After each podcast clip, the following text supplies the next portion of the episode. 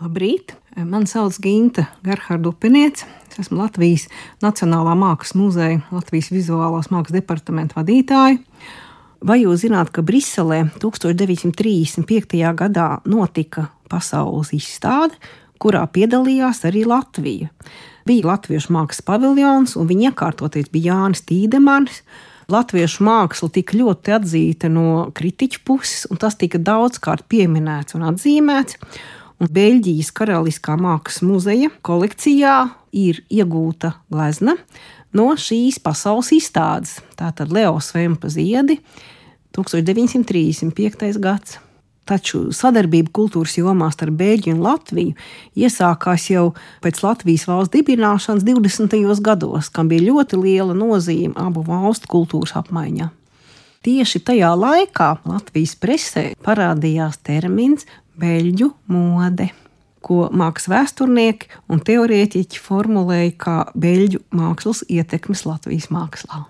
Un tad ir jāatgriežas pagājušā gadsimta 20. gados, un jāatgādina, ka Pilsētas mākslas muzejā 1927. gadā notika Beļģijas mākslas izstāde. To rīkoja izglītības ministrija.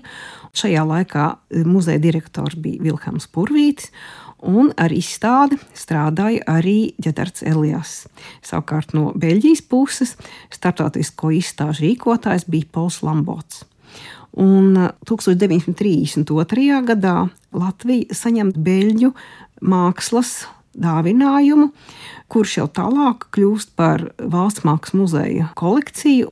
Šīs dāvinājums, kā tāda diplomātijas dāvana, iesākumā tās bija gleznas, 51 darbs, un tas tika papildināts jau vēlāk. Arī bija medaļas, mežģīnas, tēlniecība, grafika.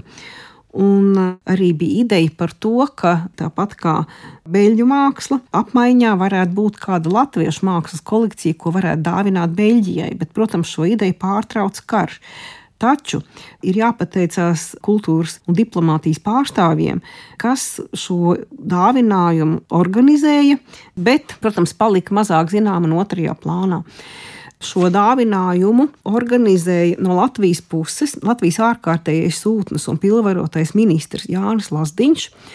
Un, ja mēs ielūkojamies Jāņa Lazdiņa biogrāfijā, tur patiešām parādās interesanti fakti, jo Pirms tam, kad viņš bija sūtnis Beļģijā ilgus gadus, viņš ir studējis Pēterburgas konservatorijā, kuru beidz 1898. gadā, un viņš ir piedalījies Latvijas konservatorijas izveidošanā un kādu laiku vadījis vioļu klasi. Tātad ar šo mūzikas izglītību sācis, bet pilnīgi mainījis savu dzīves ceļu jau vēlāk, jo Viņš ir strādājis gan finanšu ministrijā, un, protams, pievērsies diplomātijai. Viņa šī ģenerāla konsula pienākumi Briselē iesākās 24. gadā, un pēc tam jau viņš arī bija ārkārtējais sūtnis un pilnvarotais ministrs Beļģijā, kas veids šos pienākumus diplomātijā, bet arī bija ļoti aktīvs kultūras cilvēks un darīja tā, lai patiešām šīs apmaiņas notiktu.